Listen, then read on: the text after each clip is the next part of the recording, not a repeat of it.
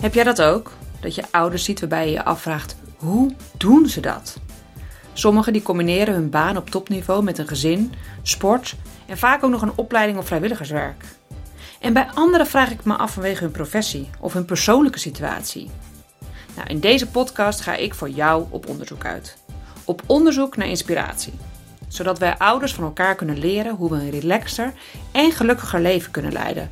En daarmee een inspirerend voorbeeld zijn voor onze kinderen. Succesvol balanceren en succesvol opvoeden dus. Want dat willen we uiteindelijk toch allemaal, hoe we ons leven dan ook inrichten. De kandidaat voor de 14e aflevering van de Hoe doen zij dat dan podcast is vanuit twee aspecten interessant.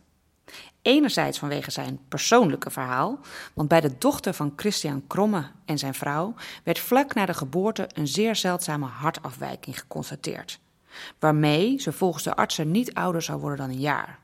Je zal het als kerstverse ouders maar te horen krijgen. Christian en zijn vrouw accepteren het niet en hebben inmiddels acht jaar later een supergezonde dochter. Nou, in dit interview hoor je wat er is gebeurd en wat jij daarvan kunt leren. Maar je ontdekt nog veel meer. Christian die is namelijk futuroloog. En daarom hebben we het over de ontwikkeling van het onderwijs en hoe de toekomst er voor onze kinderen uit zal gaan zien. En voordat we overgaan naar dit super interessante interview, iets over mezelf. Want ik begreep namelijk dat het niet exact duidelijk is wat ik nou doe. Tijd voor een uitleg dus. Met mijn bedrijf Succesvol Balanceren train ik samen met ervaren collega's, werkende ouders, om relaxed te worden in deze hectische wereld. En waarom dat zo belangrijk is? Nou, er zijn natuurlijk een heleboel redenen, maar laten we beginnen bij je kind. Het is je vast wel eens opgevallen dat kinderen kopiëren wat jij doet en niet zozeer wat jij zegt. Dan hebben we het niet alleen over hoe je je boterham bijvoorbeeld smeert. Ik heb thuis een man die daar uh, van die hele feestjes van bouwt op zijn boterham. En je begrijpt vast wat mijn kinderen dus ook doen. Maar ze kopiëren ook stress. Gestreste ouders maken gestreste kinderen. En erger nog, onderzoek heeft uitgewezen dat kinderen van gestreste ouders vaker ziek zijn. Nou, dat wil je toch niet? Nu niet, maar ook niet voor de toekomst. Dat er actie nodig is, laten de cijfers over jongeren zien. Maar liefst 76% van de jongeren voelt zich regelmatig overvraagd. Gestrest dus. En 1 op de 3 vreest zelfs voor een burn-out. Als ouder heb je een essentiële voorbeeldfunctie. Maar zoals ik je al zei, is je kind niet de enige reden om in actie te komen. Met onze vier maanden durende training Leren Balanceren we zorgen voor een win-win-win situatie. Je krijgt als werkende ouder meer energie, zodat je s'avonds na een dag werken en de kinderen nog tijd hebt voor je hobby's. Je ervaart meer balans, kan makkelijker met stress omgaan, weet wat je wil en ook wat je niet wil en kan beter met anderen communiceren. Al met al word je er gelukkiger en relaxter van. En de derde win is voor de werkgever. Want over het algemeen geven we deze training in opdracht van bedrijven. Die door deze training tijd en geld besparen vanwege een lager ziekteverzuim, een hogere productiviteit en minder verloop. We werken voor bedrijven die duurzame inzetbaarheid hoog in het vaandel hebben staan. En die jou niet enkel als medewerker, maar als mens zien. Heel slim overigens, want wist je bijvoorbeeld dat 71% van het ziekteverzuim niet werkgerelateerd is? Als je thuis niet lekker in je vel zit, merk je dat gelijk op je werk en vice versa. En daarom heb ik het in deze podcast niet enkel over balans en energie, maar ook over opvoeden.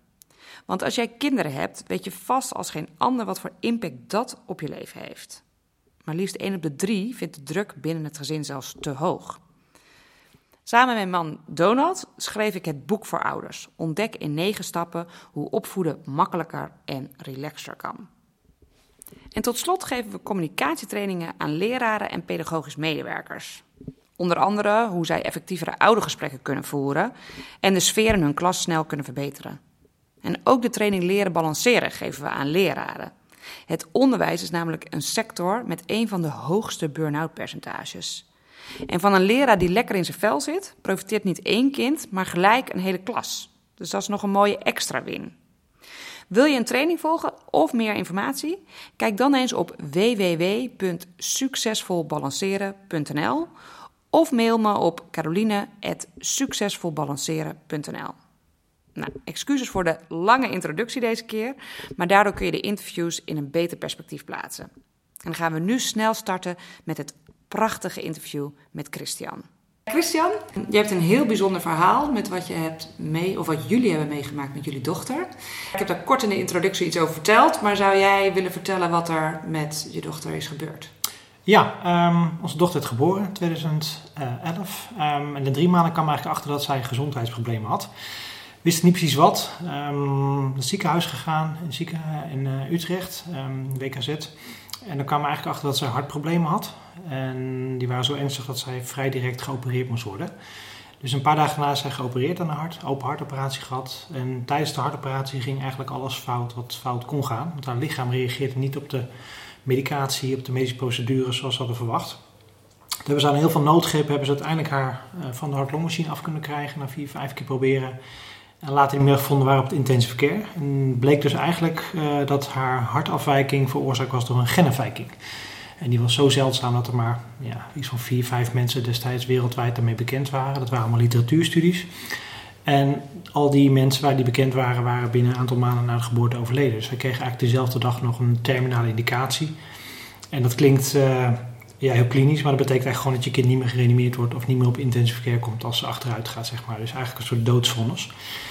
En daar begon eigenlijk uh, de ellende voor ons. Want we dachten, nou, hartoperatie, nou goed, als het moet, dan moet het. En dat is tegenwoordig redelijk routine. Maar daarna kregen we dus te horen dat er eigenlijk geen hoop meer was, geen vooruitzicht meer was.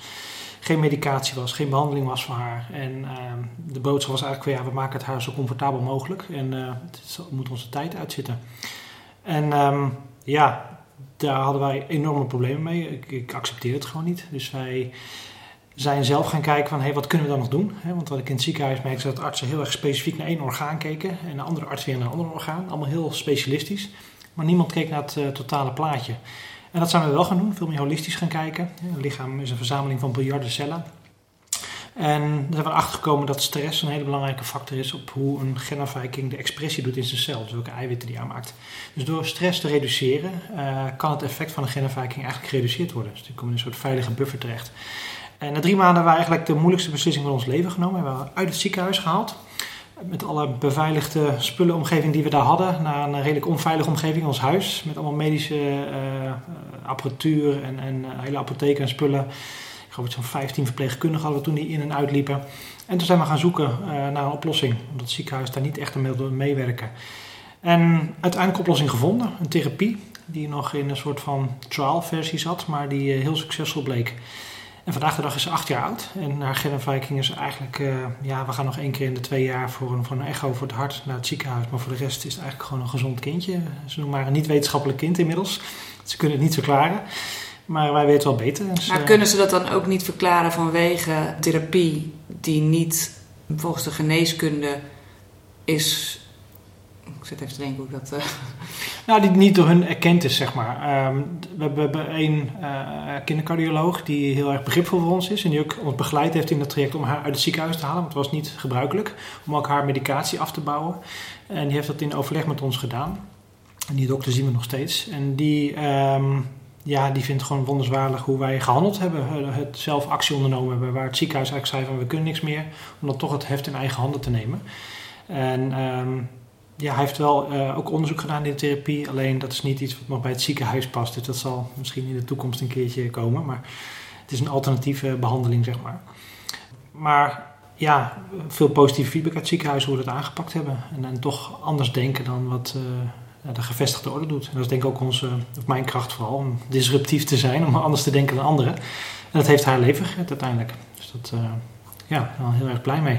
Ja, nee, dat begrijp ik. Maar ik ben dan ook al wel benieuwd, want, want die therapie die jullie uh, hebben gedaan, die zal uh, niet alleen voor die specifieke genafwijking nee, zijn, want nee. daar zijn er zo weinig van in de wereld. Uh, dus kan je daar iets over vertellen? Ja, ja het is een therapie eigenlijk. Um,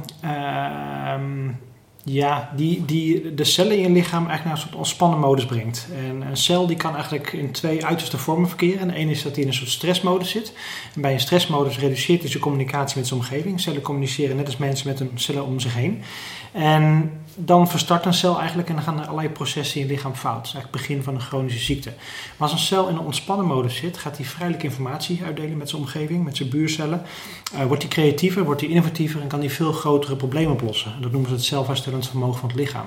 En door die therapie uh, geef je het lichaam eigenlijk pulsen om weer in, een soort, in, in die cellen in een soort relax-modus te gaan. Waardoor die veel beter in staat zijn om de rommel in je lichaam op te ruimen en om weer naar een gezonde uh, toestand toe te gaan, een gezonde balans.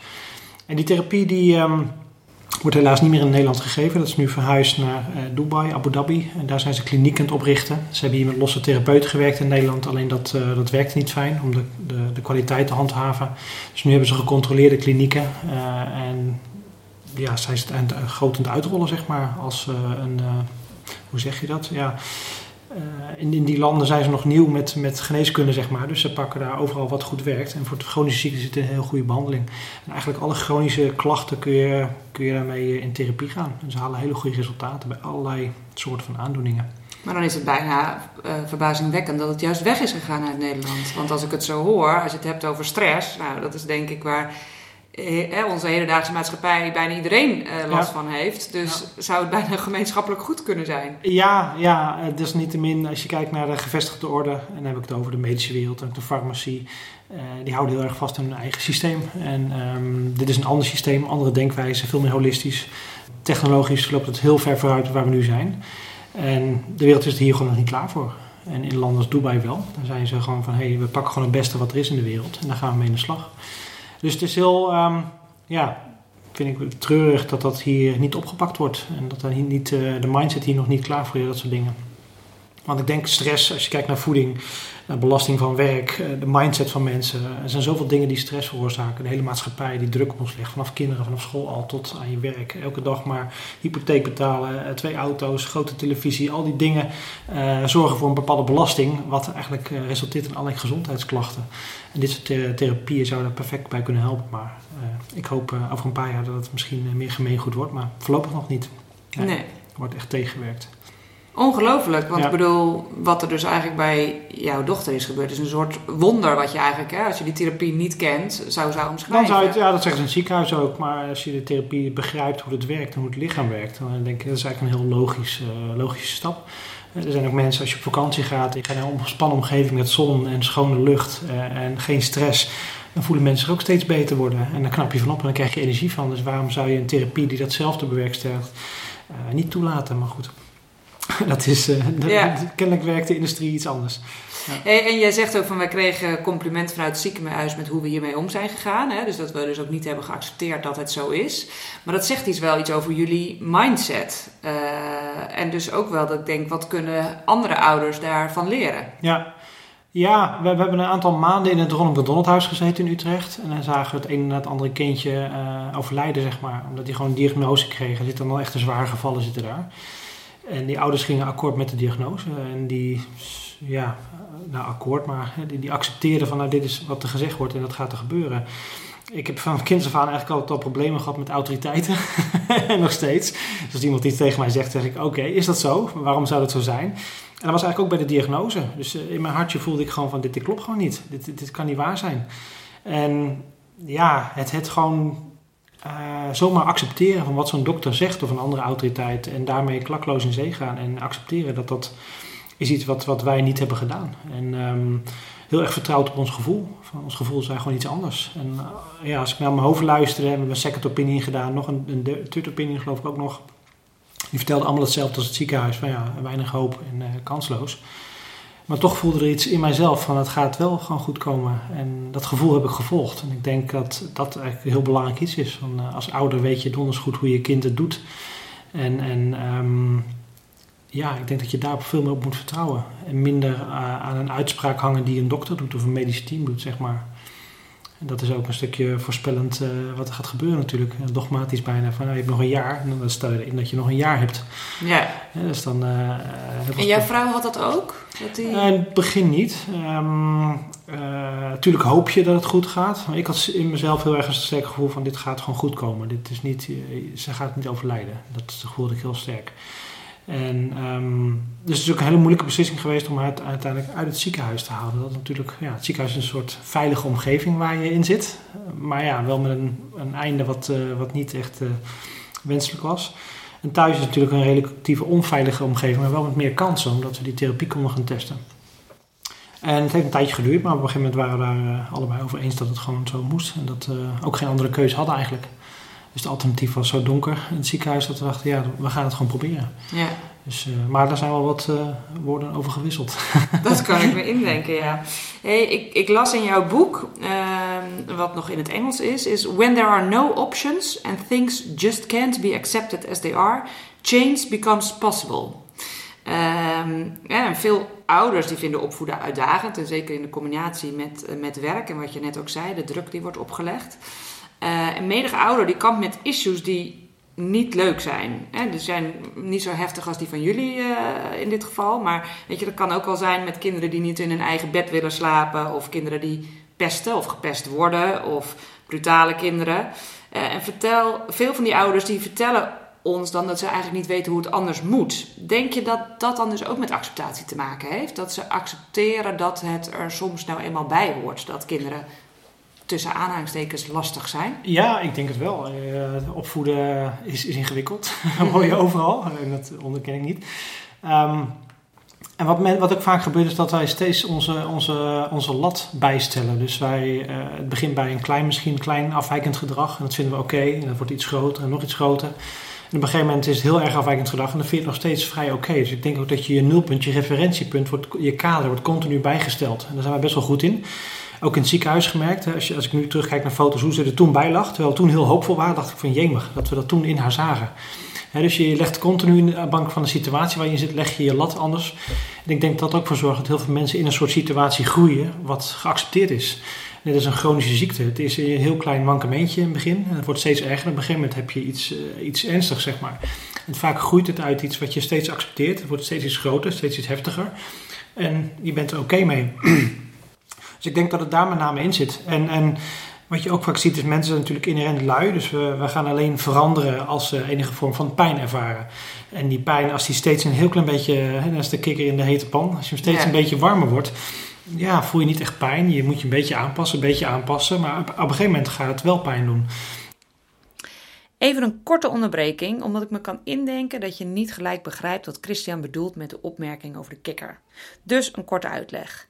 Er wordt gezegd, ik heb het nooit persoonlijk getest overigens, maar ze zeggen dat een kikker gelijk sterft als je hem met in kokend water gooit.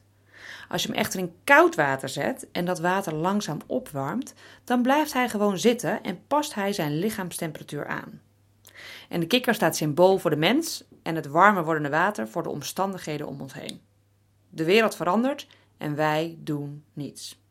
En dat kan gaan over de technologische ontwikkeling of over de opwarming van de aarde, waarvan nog veel mensen zeggen dat het allemaal wel meevalt, maar ook over de stress die we elke dag weer ervaren.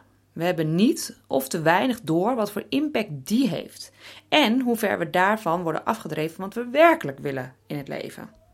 En ik denk dat um, ja, wat je misschien veel bij ondernemers ziet, of wat ik aan mezelf kijk, is dat je vaak in een vroeg stadium al kijkt naar dingen van hoe kan het anders? Dus dat je vooruit gaat denken voordat je die pijn ervaart.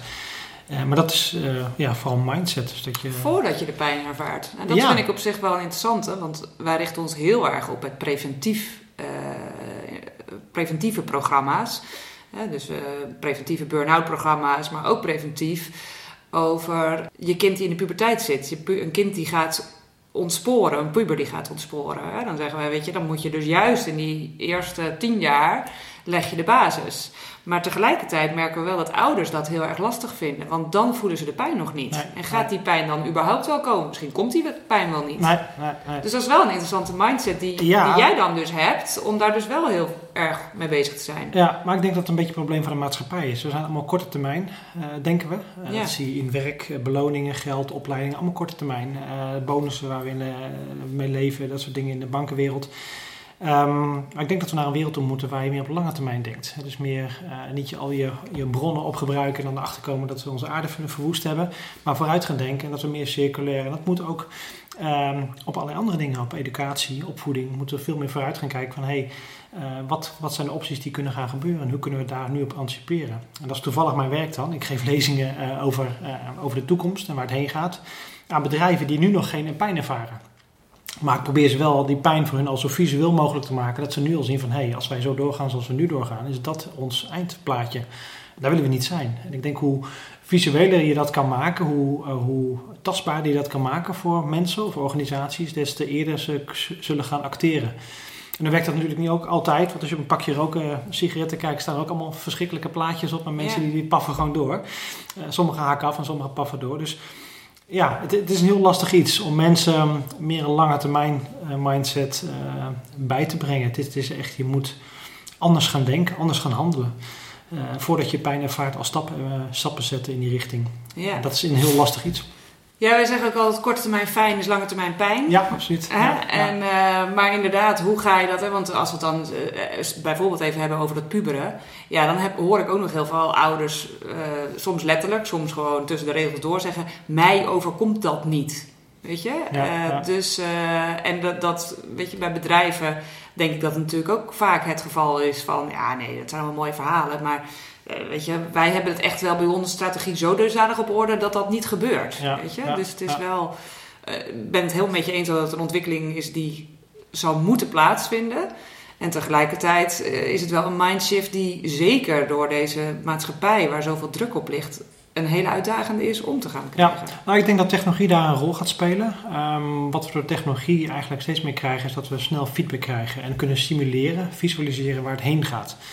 En um, doordat wij geconfronteerd worden met ons gedrag, hè, dus als je een Apple Watch hebt met zo'n hartslagmeter en die zegt van nou je hebt veel, al drie weken veel te weinig bewogen, uh, je kan uh, dit of dat ontwikkelen, die, die aandoeningen, als je zo daarmee doorgaat. En daarmee kunnen we steeds meer spiegelen eigenlijk naar onszelf van wat de gevolgen zijn als we op deze weg door blijven gaan. En ik denk uh, dat dat misschien op een gegeven moment de tij gaat keren voor mensen. Dus dat we um, gewoon geconfronteerd worden met het eindresultaat. Hè. Dus als we straks allemaal sensoren op ons hebben, we kunnen meten wat ons gedrag. En als je een blikje cola leeg drinkt, dat ze zeggen nou, als je het nog een keer doet, dan zie je meteen je suikerwaarde omhoog schieten.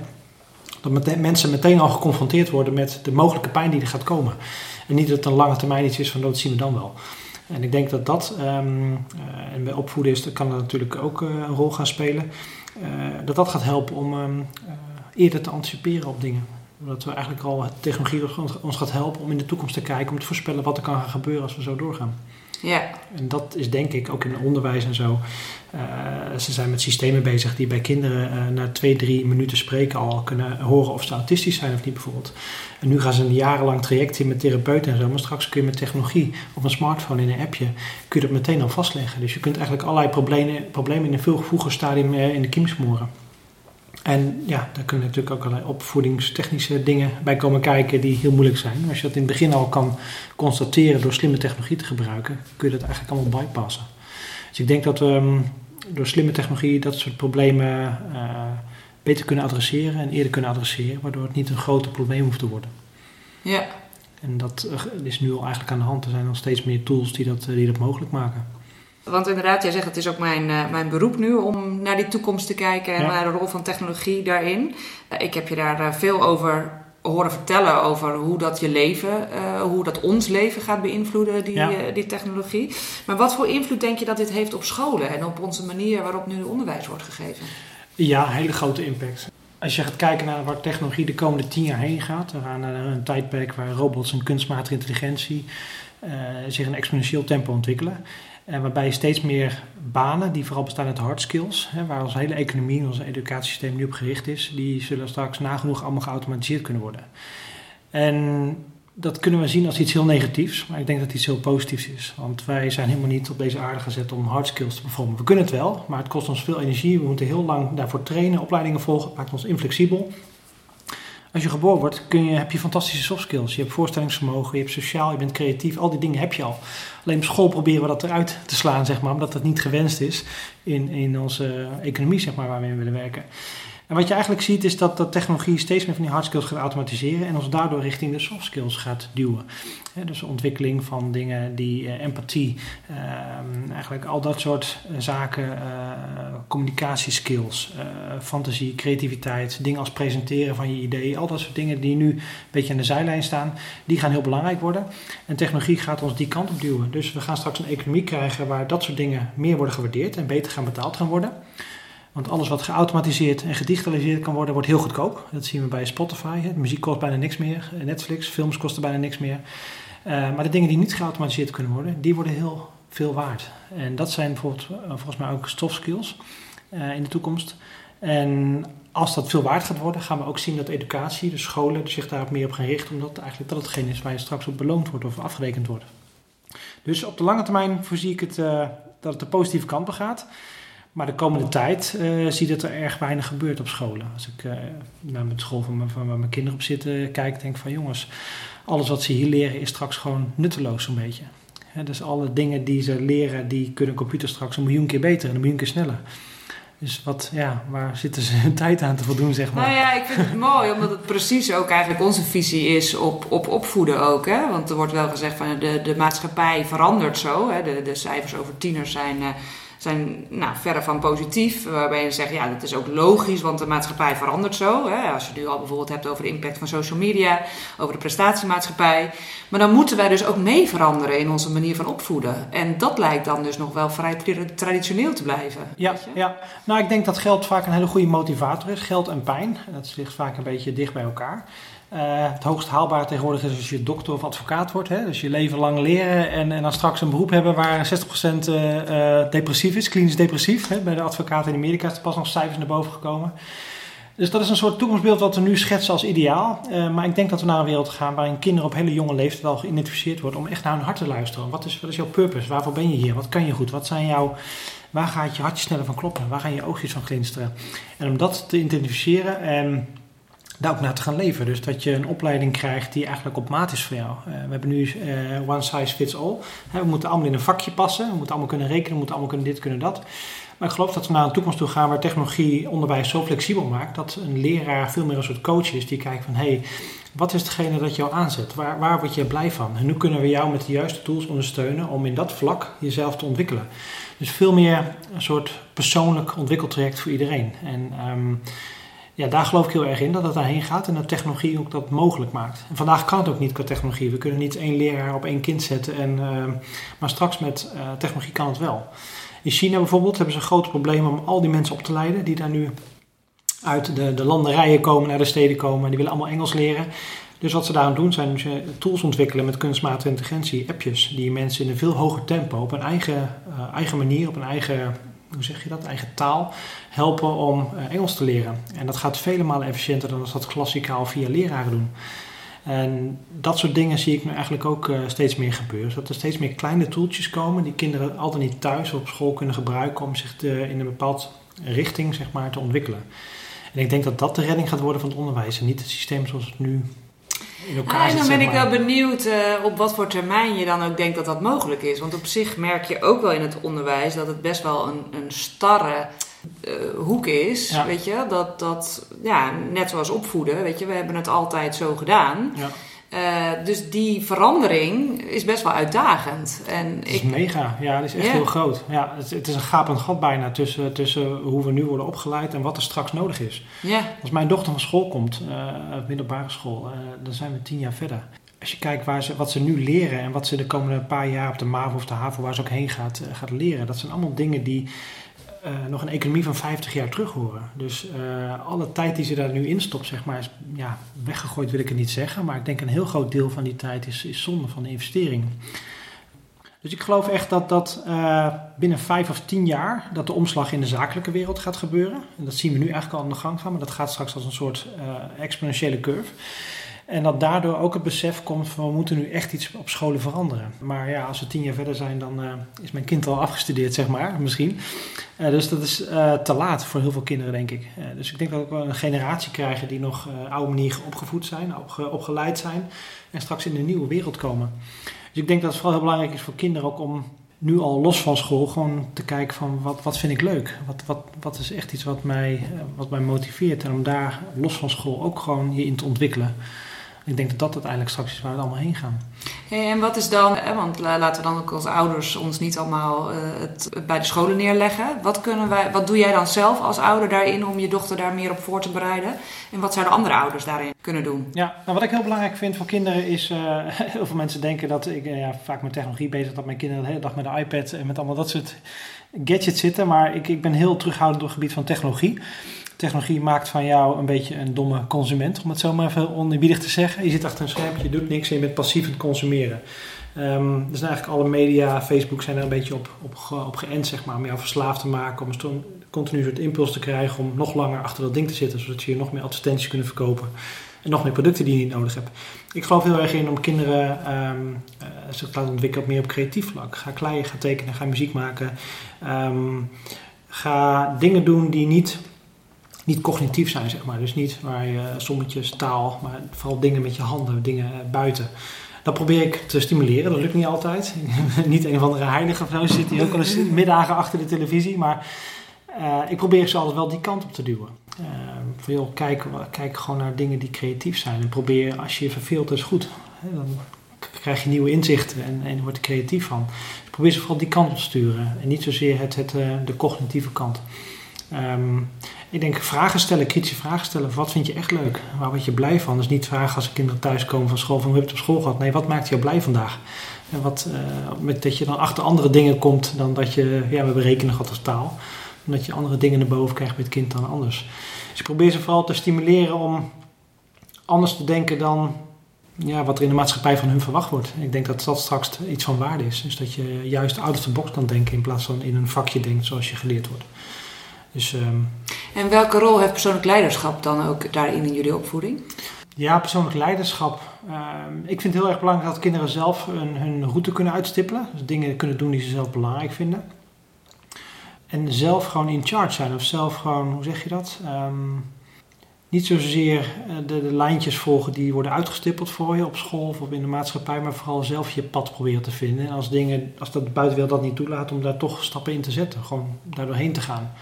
Ik wil niet zeggen dat ze de wetten moeten overtreden, maar gewoon out of the box denken. En, um, en vooral heel erg naar hunzelf luisteren. Gewoon, ja, wat zeg je hartje? Wat, wat geef je hartje in?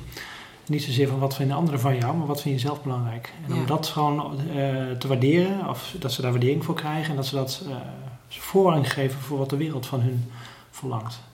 En dat, probeer, uh, dat heb ik zelf eigenlijk altijd gedaan. Dat heeft me eigenlijk alleen maar goed gedaan. Ik probeer het eigenlijk bij de kinderen ook te stimuleren. Ja, dus het komt eigenlijk, als ik het zo goed doorvertaal, veel meer focus op de EQ dan op ja, de IQ. absoluut. absoluut. IQ is iets wat... wat dat zie je nu al met technologie. Waarom, ja, waarom heb ik vroeger alle plaatsen van Groningen uit mijn hoofd moeten leren, terwijl je nu gewoon Google Maps hebt? Natuurlijk moet je weten waar Groningen ligt en waar de hoofdstad ligt en dat soort dingen.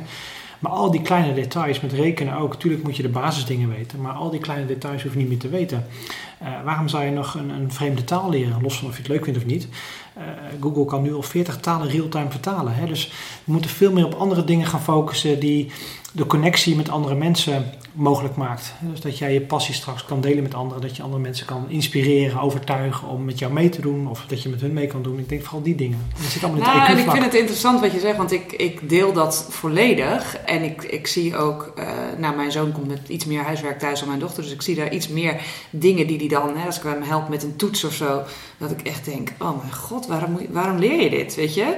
Tegelijkertijd, weet je, vind ik het dan dus ook lastig. Want ik vind dat hij dus zijn tijd beter kan besteden aan andere dingen. Ja. Tegelijkertijd zit hij in een maatschappij waar dat dus wel van hem wordt verwacht. Weet je? Dus Nog ik kan, wel, ja. ja. dus ik kan ook moeilijk zeggen, nou echt onzin dit. Weet je, gewoon ga lekker die toets niet leren. Want uh, je kan je tijd beter anders besteden. Want ja. op school wordt hij er wel op afgerekend. Dus... Nog wel, ja. Ja, het, is een beetje dubbel natuurlijk. Uh, je probeert je kind, wil je... Uh, een beetje vrijheid geven, maar je wil ook niet dat ze het slecht doen op school daardoor. Omdat ja. ze zich verzetten tegen het systeem, zeg maar. Dus dat vind ik, vind ik vooral, zeker in de regio waar wij wonen hier, is dat nog wel een uitdaging.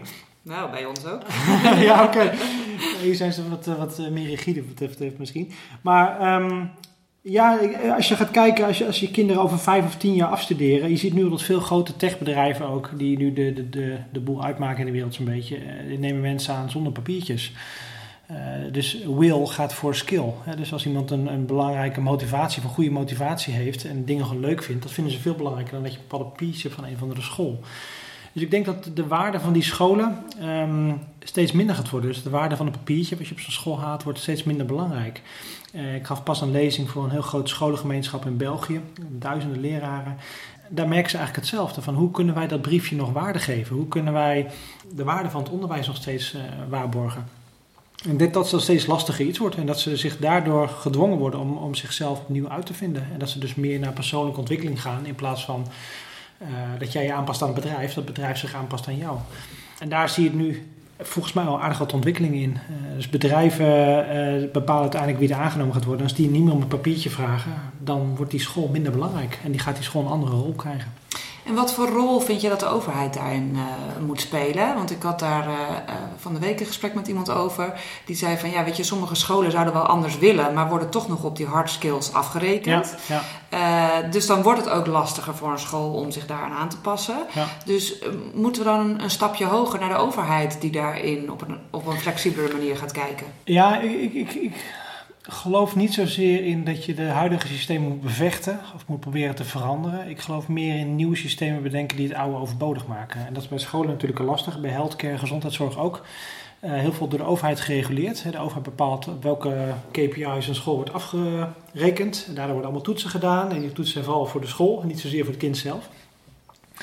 Maar ik denk dat um, dat met name het belangrijkste is. Uh, ben even mijn vraag kwijt, sorry. En mijn vraag was of de overheid daar de overheid, meer ja, Een, een, sturende rol in zou moeten spelen. In, in dat er meer focus komt op het EQ in plaats van op het IQ. Ik, ik, ja, ze kunnen er prioriteit van maken natuurlijk, maar dat gaat pas gebeuren als in de economie dat ook wordt gewaardeerd, die skills. dan pas gaat de overheid zeggen, de overheid loopt al tot 15, 15 jaar achter op wat er in de realiteit gebeurt natuurlijk. En... Um, dus als we daar moeten gaan wachten, dan, dan hebben we een hele generatie straks die op school komt met allemaal hard skills. En terwijl machines dat tien keer beter kunnen. Dus ik, ik vraag me af of er op het overheidsgebied uh, winst te halen valt. Ik denk dat je veel meer op, op, de, op bodemniveau in de klaslokalen moet gaan kijken naar tools die, ze kunnen, die gebruikt kunnen worden om die kinderen te helpen. Tools zijn er steeds meer. Maar op overheidsniveau, ik vraag me af. Ik, eh, ja, het gaat allemaal zo traag en het duurt allemaal zo lang. En voordat het hele systeem hervormd is, heb je een generatie die eigenlijk al verwaarloosd is omdat ze nog in het oude uh, retoriek of het oude systeem zaten, zeg maar. Dus ik geloof dat vooral innovatie bij bedrijven ook gebeurt niet bij de directeur, het gebeurt bottom-up. Het enige wat de directeur moet doen is iets de teugels laten loslaten, zodat die innovatie kan ontstaan. Als je op je lichaam ook eh, herstel van je lichaam of beter worden gebeurt op celniveau, niet in je hoofd. Dus um, ik denk dat dat heel belangrijk is, dus dat, um, ja, dat ze misschien meer vrijheid moeten geven, dat scholen zelf meer invulling mogen geven. En um, dat dat misschien een mogelijkheid is om toch die innovatie bij scholen bottom-up te laten gebeuren. Nou ja, dat is eigenlijk wel wat ik bedoel met de overheid. Hè? Dus dat, eh, dat het in ieder geval die teugels meer. Dat, dat scholen daar zelf meer eigen invulling in mogen ja, geven. Ja, ik geloof van, vooral van de, van de, vanaf de onderkant dat daar de innovatie gebeurt. En niet dat de overheid voorschrijft, we moeten dit of we moeten meer op EQ voor uh, focussen. Ik denk dat leraren in de klas en school ook best wel goed weten wat er in de maatschappij gebeurt. Dat zijn ook ouders, die hebben ook kinderen, die zien ook wat er gebeurt. En dat die daar prima op kunnen acteren. Alleen ze moeten nu zitten in een soort stramien, net als de gezondheidszorg, waar je eigenlijk niet uitkomt. Dus het, houdt, het is een soort uh, lock-in, een soort uh, systeem wat zichzelf in de greep houdt. En um, ja, door steeds een beetje de schroefjes aan beide kanten los te draaien, ontstaat er meer speling en ontstaat er kans om zich uh, te ontwikkelen. Ja. Dus ik, ik, hoop dat er nieuwe scholen komen die gewoon op andere methodieken gaan werken middelbaar en hoger onderwijs, uh, MIT bijvoorbeeld in Amerika, die heeft aangegeven dat ze in 2020 al hun opleidingen gratis online beschikbaar gaan stellen. Dus je kinderen straks op kamers ergens zitten om te studeren, ja, is dan maar de vraag of dat gaat gebeuren. Misschien zitten ze met een VR-maskertje op en zitten ze dan in Tokio in een, in een, in een, in een lecture. En dan in Amerika en dan misschien in Nederland. Dat, is een hele andere dat, dat hoor ik heel graag, want het is onze missie uh, van mijn man en ik om uiteindelijk ook een, een huis in Zuid-Afrika te hebben en locatie onafhankelijk te kunnen werken. Nou ja, die wensen hebben wij ook. En als ik het daar met mensen over heb, dan zeggen ze altijd van ja, en hoe ga je dat dan doen met de kinderen? Ja, ja. En ja, dan zeg ik altijd, weet je, ja, dat kan ik nu ook nog niet voorspellen, want ik denk dat, dat de technologie inderdaad daar, daar vast, weet je, ga, zitten we inderdaad over vijf jaar, over zes jaar zitten ze dan nog inderdaad in de collegebanken of niet, weet je? Ja. Dus, uh... ja, het is eigenlijk van de gekke straks op het werken dat je naar een fysieke locatie gaat ergens. Uh, ik geloof echt dat technologie die kant op gaat, zeker met mixed reality en augmented reality. Dan zet je een soort brilletje op waar je doorheen kijkt, dus je ziet de buitenwereld wel. Maar in die buitenwereld kunnen ze 3D-objecten projecteren. En dat ziet er nu al realistisch uit, maar over vijf of tien jaar, dat gaat zo realistisch worden dat jij gewoon het gevoel hebt dat iemand naast jou zit in dezelfde ruimte, terwijl die persoon misschien in Afrika of in Amerika zit, of in Australië. En dat soort tools gaat het straks mogelijk maken dat we toch hele menselijke interacties kunnen hebben. Alleen het is een hologram wat voor je zit, niet een echt persoon. En dat lijkt heel ver weg, maar dan zijn we veel dichterbij dan we denken. En dat gaat de manier van werken, de manier van samenwerken, de manier van leren totaal veranderen. Dus ik geloof dat het scholen meer misschien een soort van communities worden waar het sociale aspect ontwikkeld wordt. En vooral de inhoudelijke kennis, dat gebeurt gewoon eh, op het online platform. En dan vinden mensen misschien een soort genoten, lotgenoten op het internet die dezelfde wensen, voorkeuren, passie hebben en ze gaan zich daarmee ontwikkelen. En dat zijn misschien in gebieden die een leraar nooit zou kunnen faciliteren omdat het zo specifiek is. Ja. En we krijgen straks een extreme groei van mensen die een hele specifieke uh, specialisatie hebben in dingen die Weet je, de grootste uitvinding van de volgende tien jaar, die is nog niet gedaan. De grootste uitvinding die de wereld gaat veranderen. Dus er komen straks dingen aan die we nu nog niet kunnen bedenken. Dus hoe kunnen we een schoolsysteem inrichten wat gaat anticiperen op wat er gaat komen wat we nog niet weten? Ja. Dat kan gewoon niet. Dus ik denk dat er veel meer de kinderen moeten helpen om hun passie te identificeren, te vinden, hun purpose. Uh, en zich te alignen met wie ze echt zijn. Dus ontdekken wie ze echt zijn, wat ze leuk vinden en de rest van hun leven eigenlijk dat pad te volgen. En ook inderdaad wat je zei, uh, nee leren zeggen tegen dingen. Want we krijgen zoveel keuze tegenwoordig. Dat zal ook in opleidingen komen. Als je kijkt naar Netflix, hoeveel films er op je afkomen. Spotify, hoeveel muziek er op je afkomt. Google, hoeveel artikelen er op je afkomen. Dus ik denk dat het steeds belangrijker wordt om te leren van... hé, hey, uh, dit resoneert wel of niet met mij. Dus dan zeg ik wel of geen ja tegen. En dat ga ik tot mij nemen. En dat, dat soort skills, zeg maar, in een tijdperk van informatieovervloed heel belangrijk worden.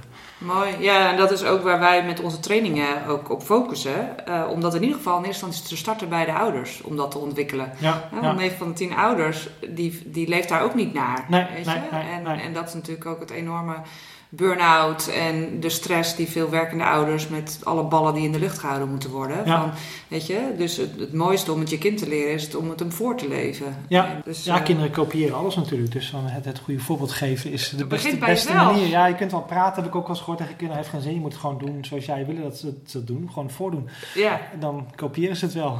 ja, nee, ja, dat is ook daar Ja. waarom onze ondertitel van ons boek hebt, hoe opvoeden makkelijker en relaxer kan. Ja, En dan vervolgens gaat het eigenlijk het, eh, het boek met name over jezelf. ja, ja, ja. ja, ja. Nou ja, het is allemaal het reflectie daar natuurlijk. inderdaad eh, een stuk makkelijker en relaxer van wordt. Want je, Ja. vangt eigenlijk meteen twee vliegen in één klap. Weet je? je wordt zelf gelukkiger en, en blijer in het leven. Omdat Ja. je meer weet waar je voor staat. En wat jezelf energie geeft en energie neemt.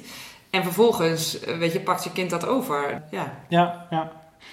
Ja, super interessant. Wij zijn nu toevallig zelf, nu ben ik met een bedrijf bezig om ook een app te ontwikkelen die eh, mensen tijdens mijn lezingen kunnen eh, openen. En eigenlijk kunnen ontdekken hoe erg aligned ze zijn met, eh, met hun purpose of met waarvoor ze hier eigenlijk zijn, zeg maar. Om mensen, om eigenlijk een dialoog te starten van hey, je bent nu 20% aligned met jouw ware ik. Dus je zou nog vijf keer zoveel impact kunnen hebben op deze wereld. Een betekenisvolle impact. Met Dat minder energie. Heel interessant en hoe je dat dan vervolgens meet. Ja, daar hebben we een systeem voor, zijn we dat nu in het uit te werken. En eh, we gaan dat volgende week bouwen. En we hopen medio april dat we de eerste testen kunnen gaan doen. En eh, dan krijg je een soort scorelijst. En dat is natuurlijk een soort quickscan. Waarbij je meet eigenlijk wat jouw transformatiecapaciteit is. Van hoe kun jij veranderen als individu, maar ook als bedrijf. En dan meten we allerlei, allerlei dingen op technologieniveau, op organisatieniveau, op individueel niveau en jouw perceptieniveau van de wereld. In eh, drie, vier, vijf minuten proberen we dat te doen. En dat is dan een soort eerste quickscan en daarna gaan we verder om mensen verder te helpen. Maar dat lijkt me ook fantastisch om zoiets voor kinderen, want het werkt met plaatjes, voor kinderen ook te faciliteren. En Nou, als je nog testpersonen zoekt, dan eh, zitten we hier eentje eh, Ja. tegenover je. Dus eh, hey, heel eventjes terug, want eh, we hebben het gehad over jullie dochter Lieke. Ja. Maar jullie hebben daarna nog twee kinderen gekregen. Klopt, ja. En ik ben wel benieuwd, dat, want je zegt dat het is een genetische afwijking die Lieke had. Dan kan ik me voorstellen dat dat behoorlijk spannend is geweest bij de andere twee. Nou, bij Nalieke hebben we een eh, test laten doen, allebei. Eh bleken allebei niet te dragen te zijn. Het is een soort spontane mutatie, zegt het ziekenhuis dan. Daar hebben we zelf iets andere ideeën over. Maar ehm, ja, er was dus geen risico eh, bij, de, bij de andere twee kinderen, zeg maar, dat ze het ook zouden krijgen. Dat was eh Oké. niet heel. Of tenminste, we hadden allebei niet, zijn niet te dragen. Dus, dus tijdens zwangerschap is iets gebeurd waardoor die mutatie is opgetreden. En beïnvloedt het verder wat er is gebeurd nu nog jullie leven? Of is het gewoon omdat, het, omdat Ja. zij nu volledig gezond is verklaard? Is het... Het heeft ons leven dramatisch veranderd. eh, in allerlei opzichten eigenlijk. Het is een hele nare gebeurtenis geweest natuurlijk. Maar achteraf zie ik het als een cadeautje. Eh, in een hele nare verpakking weliswaar. Maar het heeft ons veel bewuster gemaakt van, van wie we zijn, wat we doen, hoe we onze tijd besteden. Eh, als je zoiets meemaakt en je kind ligt op sterven, tenminste dat stellen ze je, dan ga je tijd heel anders waarderen. Ik had een eigen bedrijf, ik werkte 60, 80 uur per week, vond ik normaal. Hè, geld verdienen, verkopen, dat soort dingen. En toen heb ik gezegd van ja, waar ben ik eigenlijk mee bezig? Elke dag in de file staan die kant op. Dus ik heb het bedrijf verkocht eind 2014. En ben een totaal ander leven gaan leiden. Waardoor ik eigenlijk nu, nou, bijna fulltime thuis wil ik niet zeggen. Maar ik ben heel veel thuis bij de kinderen. Ik kan heel veel quality time met mijn vrouw en mijn kinderen doorbrengen. Omdat we eigenlijk een heel andere set waarden hebben gekregen. Gezondheid, voeding, rust, uh, ontstressen, dat soort dingen. Uh, mindful leven, hoe je het maar wil noemen. Is bij ons uh, best wel een hele hoge prioriteit. En dat stralen we eigenlijk ook naar onze omgeving af. Ik zie dat steeds meer mensen het ook gaan doen. Dus het heeft ons leven eigenlijk op allerlei vlakken veranderd. Um, Tuurlijk blijf je altijd een zorg houden. Het is een genafwijking. En ook al is de impact op haar lichaam minimaal. Altijd als ze ziek wordt of grieperig is of dat soort dingen, bij haar heb je net even wat extra zorgen dan bij de andere jongens. Dat je denkt van, oh, die, die komen er wel overheen. En bij haar heb je altijd iets meer, dat je denkt van, oh, uh, moet niet te gek worden, zeg maar. Dus het, blijft altijd wel op de achtergrond een beetje schemeren. Maar we hebben er volle vertrouwen in dat zij ook gewoon oud gaat worden. Als ik ga kijken hoe de de technologie op dit moment zich ontwikkelt op medisch vlak. Uh, wat we op genafwijkingen, wat we daar nu al mee kunnen, zeg maar, als je dat 10, 15 jaar verder trekt, denk ik van nou, dan maak ik mij nul zorgen of dat, uh, of dat impact gaat hebben op haar, uh, op haar leeftijd. Dus dat. Ja, ja. Hey, dat vind ik mooi, want je zegt van ik eh, dus het, het, ben veel meer thuis. Tegelijkertijd las ik in jouw boek. Ik hoop dat jullie ooit dit boek lezen en begrijpen waarom ik zoveel uren achter de computer doorbracht logisch. Ik bedoel, wij hebben ook een boek geschreven. Dat kost nou eenmaal dat tijd. Dat kost nog wel tijd. Uh, Je zegt inderdaad over een app. Uh, ik weet dat je de hele wereld uh, rondvliegt om presentaties te geven. En dat je volgens mij ook een persoon bent die behoorlijk wat ambitie heeft.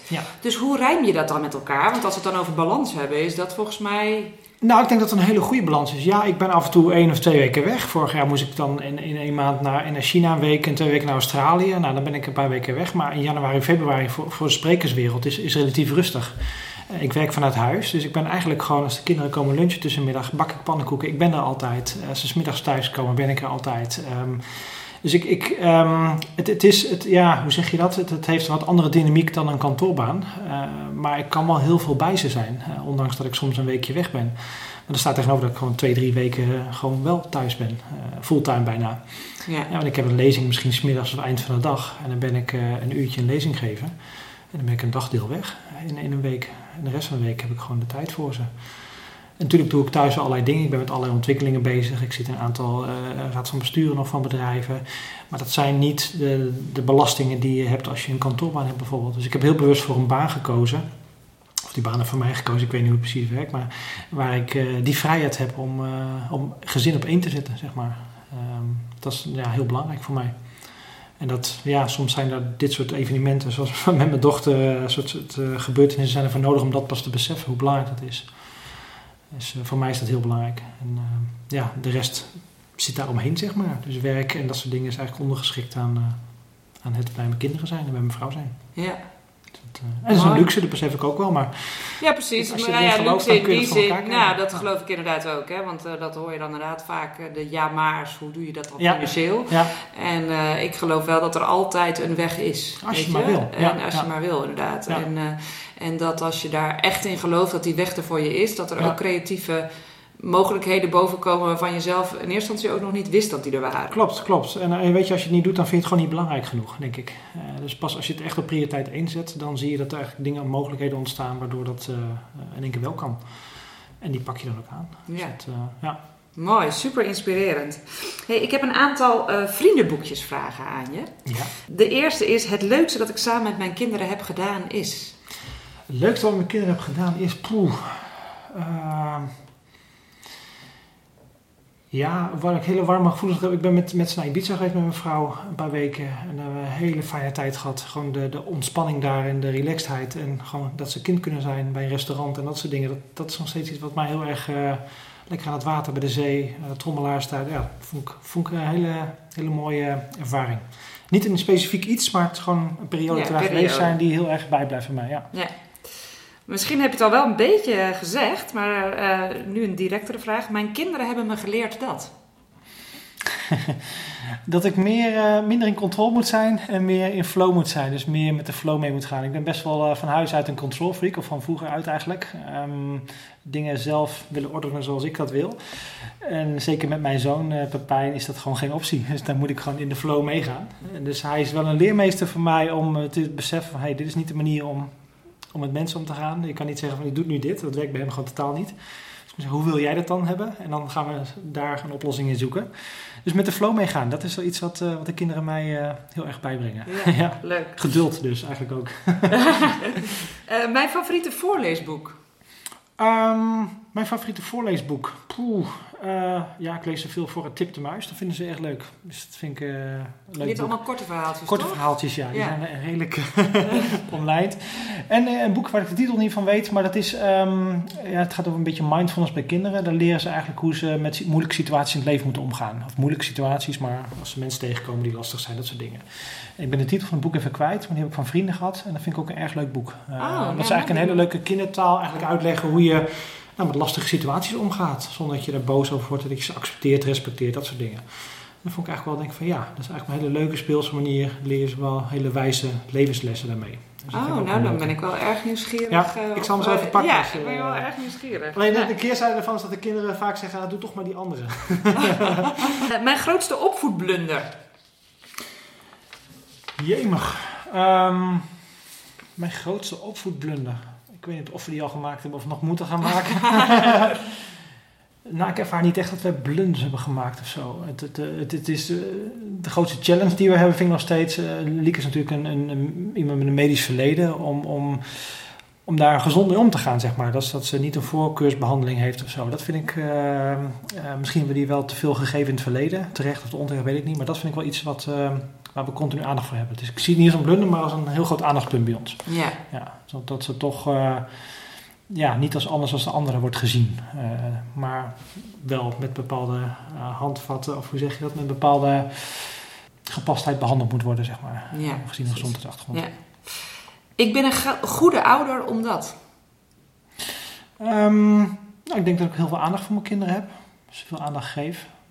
en voor ze ben denk ik wel iets uh, wat tegenwoordig uh, uh, best wel uniek is. Mm.